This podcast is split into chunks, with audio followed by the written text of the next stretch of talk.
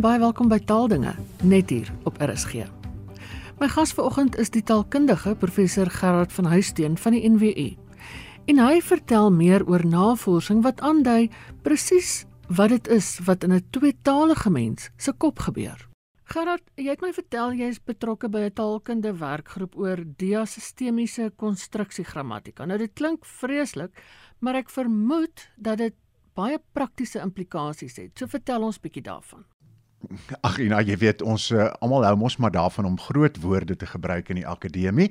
Uh maar ek gaan dit vir jou eintlik baie prakties maak. Net vinnig so die groep waarna jy verwys is by uh, 'n uh, klomp van ons van Noordwes Universiteit en van die Universiteit van Pretoria wat nou eintlik heerlik is met COVID, een van die lekker goed van COVID, was o, dit het ons in staat gestel om so 'n virtuele gespreksgroep te begin wat elke week wat praat ons oor goed en so aan. En nou het ons die voorreg gehad dat een van die onderwerpe hierdie diasistemiese konstruksiegrammatika, die baas daarvan, die man daarvan, die die vader daarvan, uh, professor Steffen Höder van die Universiteit van Kiel in in Duitsland, uh, kon gewoon afgelope week met ons uh, lekker gesels vir 'n uur en 'n half lank oor 'n koppie koffie en so aan sonder dat dit enige iemand geld kos. So dit die uh, COVID goeters het daarom vir ons almal ook een of ander voordeel gehad. Nou goed, waaroor gaan die diasistemiese konstruksiegrammatika? Daai diasistemies verwys na twee sisteme.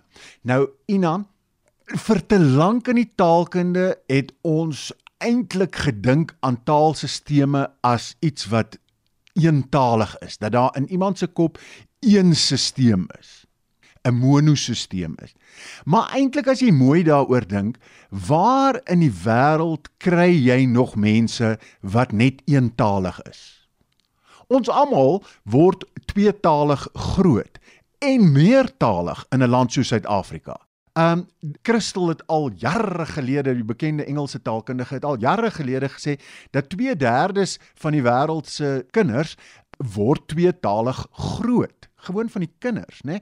Televisie en so aan. So, die punt van die saak is anders as wat ons dalk 10 en 20 en 30 jaar terug gedink het, is die taalsisteme in ons kop 'n baie ingewikkelder stelsel en veral dan daar waar twee tale saam lewe in 'n kop, is dit nogal 'n ingewikkelde ding. En dit is 'n groot uitdaging nie net vir ons in die taalkunde nie, maar ook in die neuropsigologie byvoorbeeld en die uh kognitiewe neurowetenskappe. Vir baie lank daar's 'n ding wat hulle noem uh tweetalige afasie. Nou wat gebeur daar is as iemand 'n brein uh skade opdoen van een of ander aard, dan verloor daardie persoon sekere taalvaardighede in die een taal of in die ander taal. Of ek kan nie meer vertaal tussen die twee tale nie of so. En daarom was daar vir baie jare lank was daar hierdie gedagte van uh, in jou kop is daar amper aparte sisteme, nê? Uh Afrikaans word hier aan die linkerkant bedryf en Engels hier aan die regterkant of wat ook al. Nee nee nee nee. Die nuutste insigte sê vir ons Ons het eintlik vir baie jare lank verkeerd daaroor gedink. En as ek nou sê baie jare, dan bedoel ek bedoel ek al eeue, nê. Nee, dis 'n baie ou verskynsel En die nuutste navorsing sê nee, ons het die hele tyd die verkeerde vrae daaroor gevra. En ons moet baie meer daaraan begin dink as dat daar een taalstelsel is en hoe hierdie een taalstelsel verskillende tale, verskillende variëteite kan akkommodeer op een of ander aard. Nou Ina, die maklikste manier wat ek die die metafoor wat ek vir my in my kop het, is om te sê kom ons sê daar in jou kop is dit een groot plas water Nou laat jy daarop rooi olie los. En op 'n ander plek laat jy geel olie los. Nou jy gaan geel olie en jy gaan rooi olie en dan hier iewers in die middel as die goed bietjie skit en so aan, gaan die olies met mekaar vermeng en dit gaan oranje olie word, maar jy gaan nog steeds olie hê met rooi vlekke en olie met geel vlekke en bietjie oranje olie en so aan. En al hierdie goed dryf saam op hierdie poelwater. Nou, so moet ons 'n bietjie dink aan die tweetalige brein. Jy weet, daar kom Engels in, sê net maar iemand in Suid-Afrika Engels in op 'n manier, daar kom Afrikaans in op 'n manier. En hier in die middel loop dit 'n bietjie de mekaar en dit beïnvloed mekaar en so aan. En dis nie hierdie twee goed waar daar 'n skerp skeiding tussen die twee tale is nie. Ek weet nie maak dit vir jou sin soos ek verduidelik. Dit maak vir my baie sin en ek vermoed dat in Suid-Afrika is dit leef ons dit prakties. Maar absoluut, nê. Nee. Uh nou nou goed, ek bedoel die punt van die saak is of die uh, hipotese is dat eintlik is die meerderheid van taalgebruikers tweetalig is. In Suid-Afrika sien ons dit veral in tale soos net baie naby verwante tale soos Afrikaans en Engels. Ek weet daar's klomp mense wat nog kwaad is oor 120 jaar gelede wat sê nee, Afrikaans en Engels het niks met mekaar te doen nie, maar albei van hulle is Wes-Germaanse tale en Afrikaans en Engels lyk like in baie opsigte baie nader aan mekaar as wat Afrikaans en Nederlands byvoorbeeld aan mekaar lyk. Like. Uh, Ina, kom ek gee sommer vir jou 'n simpel voorbeeld. In Nederlands is 'n manlike student 'n student en 'n vroulike student is 'n studente. 'n Manlike assistent is 'n assistent en 'n vroulike assistent is 'n assistente. 'n Manlike eh, grammatikus is 'n grammatikus en 'n vroulike grammatikus is 'n grammatika. Né? Nee? 'n historikus en 'n historika. Ons in Afrikaans en ons in Engels doen dit glad nie meer nie. So Afrikaans en Engels lyk baie nader aan mekaar as wat Afrikaans en Nederlands byvoorbeeld uh op mekaar lyk. Nou kan jy nou lewe hier al vir die afgelope 200 jaar lewe hier mense ten nouste saam en eintlik op 'n manier 'n bietjie geïsoleer van die res van Europa nê uh of in die res van die anglo wêreld soos in Amerika en so lewe hierso saam hoe kan dit nou anders dat twee sulke naby verwante tale, Wes-Germaanse tale, mekaar nie op een of ander manier gaan beïnvloed nie. Hoe kan dit nou anders dat in my kop as ons sê dis hierdie oliepoel dat hierdie olie de mekaar loop en mekaar beïnvloed en kleur en so aan En daar's geen waardeoordeel wat ons daaroor hoef uit te spreek nie. Dit gaan nie hier oor wat is reg en wat is verkeerd en is dit 'n anglisisme of is dit nou nie 'n anglisisme nie. Dit gaan daaroor wat gebeur regtig in mense se koppe. Nou kom ek gee vir jou 'n voorbeeld. My ma is 'n bejaarde 77 of so iets. Uh groot geword in 'n tyd toe ons nog tussen aanhalingstekens ordentlike Afrikaans gepraat het, jy weet. En nou skryf sy op WhatsApp as ek iewers heen gaan of iets gaan doen, dan skryf sy vir my geniet uitroepteken. En dit kan nie, nê? Nee? In in 'n suiwer Afrikaanse stelsel moet dit wees geniet dit en nie net soos Engels enjoy nie. Ja. Nou hier gebruik 'n 77 jarige tante dit op die manier wat net wys en en sy ek dink nie sy's bewus daarvan dat dit daai subtiele Engelse invloed is wat daar 'n rol speel nie, nê. Nee. En nou dink mense te maklik, dit gebeur net na van dis net Engels wat Afrikaans beïnvloed. Nee, dit gebeur natuurlik andersom ook. Uh as jy in die Dictionary of South African English gaan gaan rondlees, dan is daar omtrent meer Afrikaanse woorde daarin as wat daar Engelse woorde in is en Afrikaanse uitdrukkings wat die Engels uh beïnvloed. So dit beïnvloed mekaar ongelooflik baie juis omdat ons so nou saamlewe. Daar's 'n baie ou oerwoud gesegde, jy weet, wat gesê het Afrikaners wat dit dan nou ook is, maar Afrikaners praat Afrikaans, bid in Nederlands en vloek in Engels. En dit was nou natuurlik in 'n tyd toe die Nederlands baie formeel was in hierdie kerktaal was en so aan. Maar hierdie drie tale wat ontstaan het of jy weet Nederlands en Engels wat langs mekaar ontstaan het in die Kaap of gebruik is in die Kaap, het natuurlik 'n groot invloed gehad op hoe Afrikaans uiteindelik uh gebruik word. Jy werk ook oor vloek. Hoe werk hierdie ding dan nou in die algemeen hierdie beïnvloeding wat vloek betref? Kom kom kom ons kom nou by vloek. Ons kan dalk daarmee uh, afsluit. Maar ek wil vir jou gou-gou 'n voorbeeld gee waar hierdie beïnvloeding eintlik 'n teken is in, in want bein, dit gaan nie altyd net oor beïnvloeding nie. Dit gaan ook daaroor dat ons mekaar op maniere moet kan verstaan. Jy kom nou argument okay jy kom nou nie uit die Kaap uit nie maar kom ons sê jy kom uit die Kaap uit en dan praat jy daai die Boland uit en dan praat jy van ek in die Boeland, nê, nee? in die O.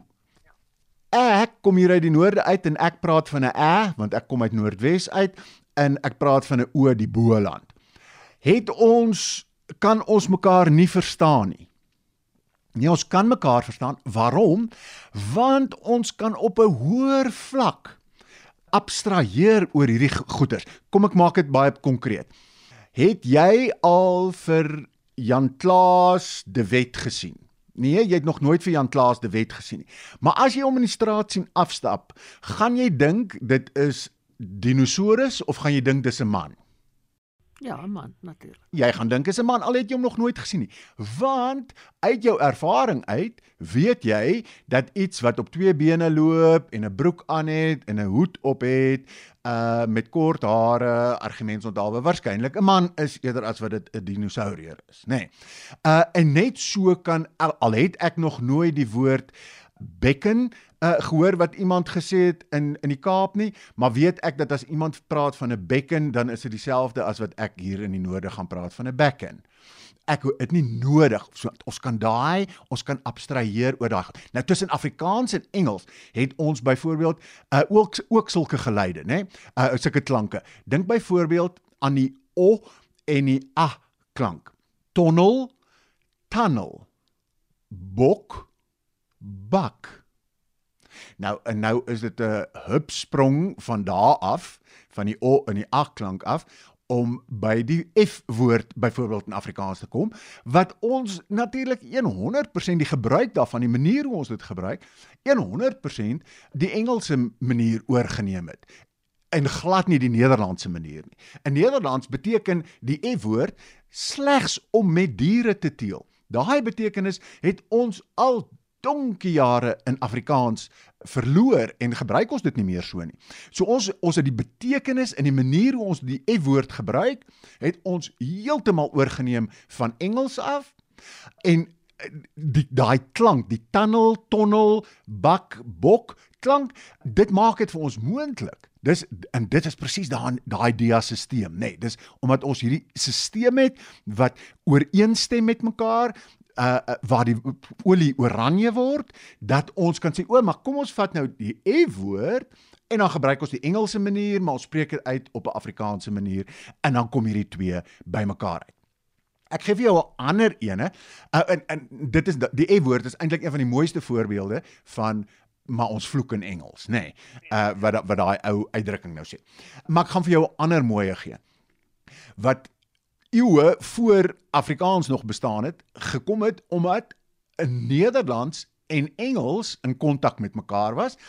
En toe het Engels 'n Nederlandse woord of uitdrukking begin leen en begin gebruik. En toe later het ons dit weer in Afrikaans verdraai. En dis 'n mooi Afrikaanse en die netjiese Afrikaanse vloekwoord en ek hoop ek mag dit maar op die lig sê, bloody nê? Nee?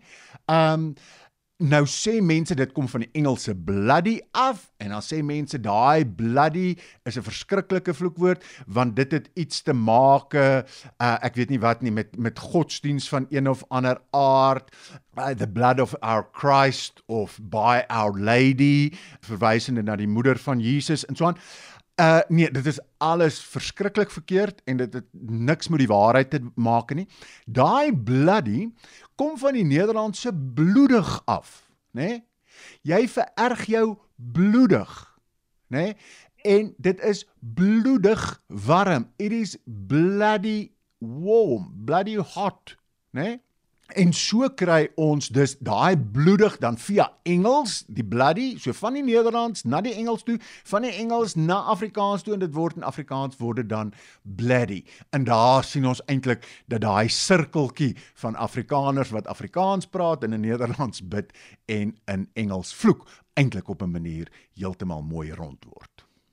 Weet jy maar as jy dit sê dan wonder ek waar kom die hele geveg oor en teen anglisismes dan vandaan of is dit gewoon omdat hierdie wetenskaplike bewyse nou eers duidelik word?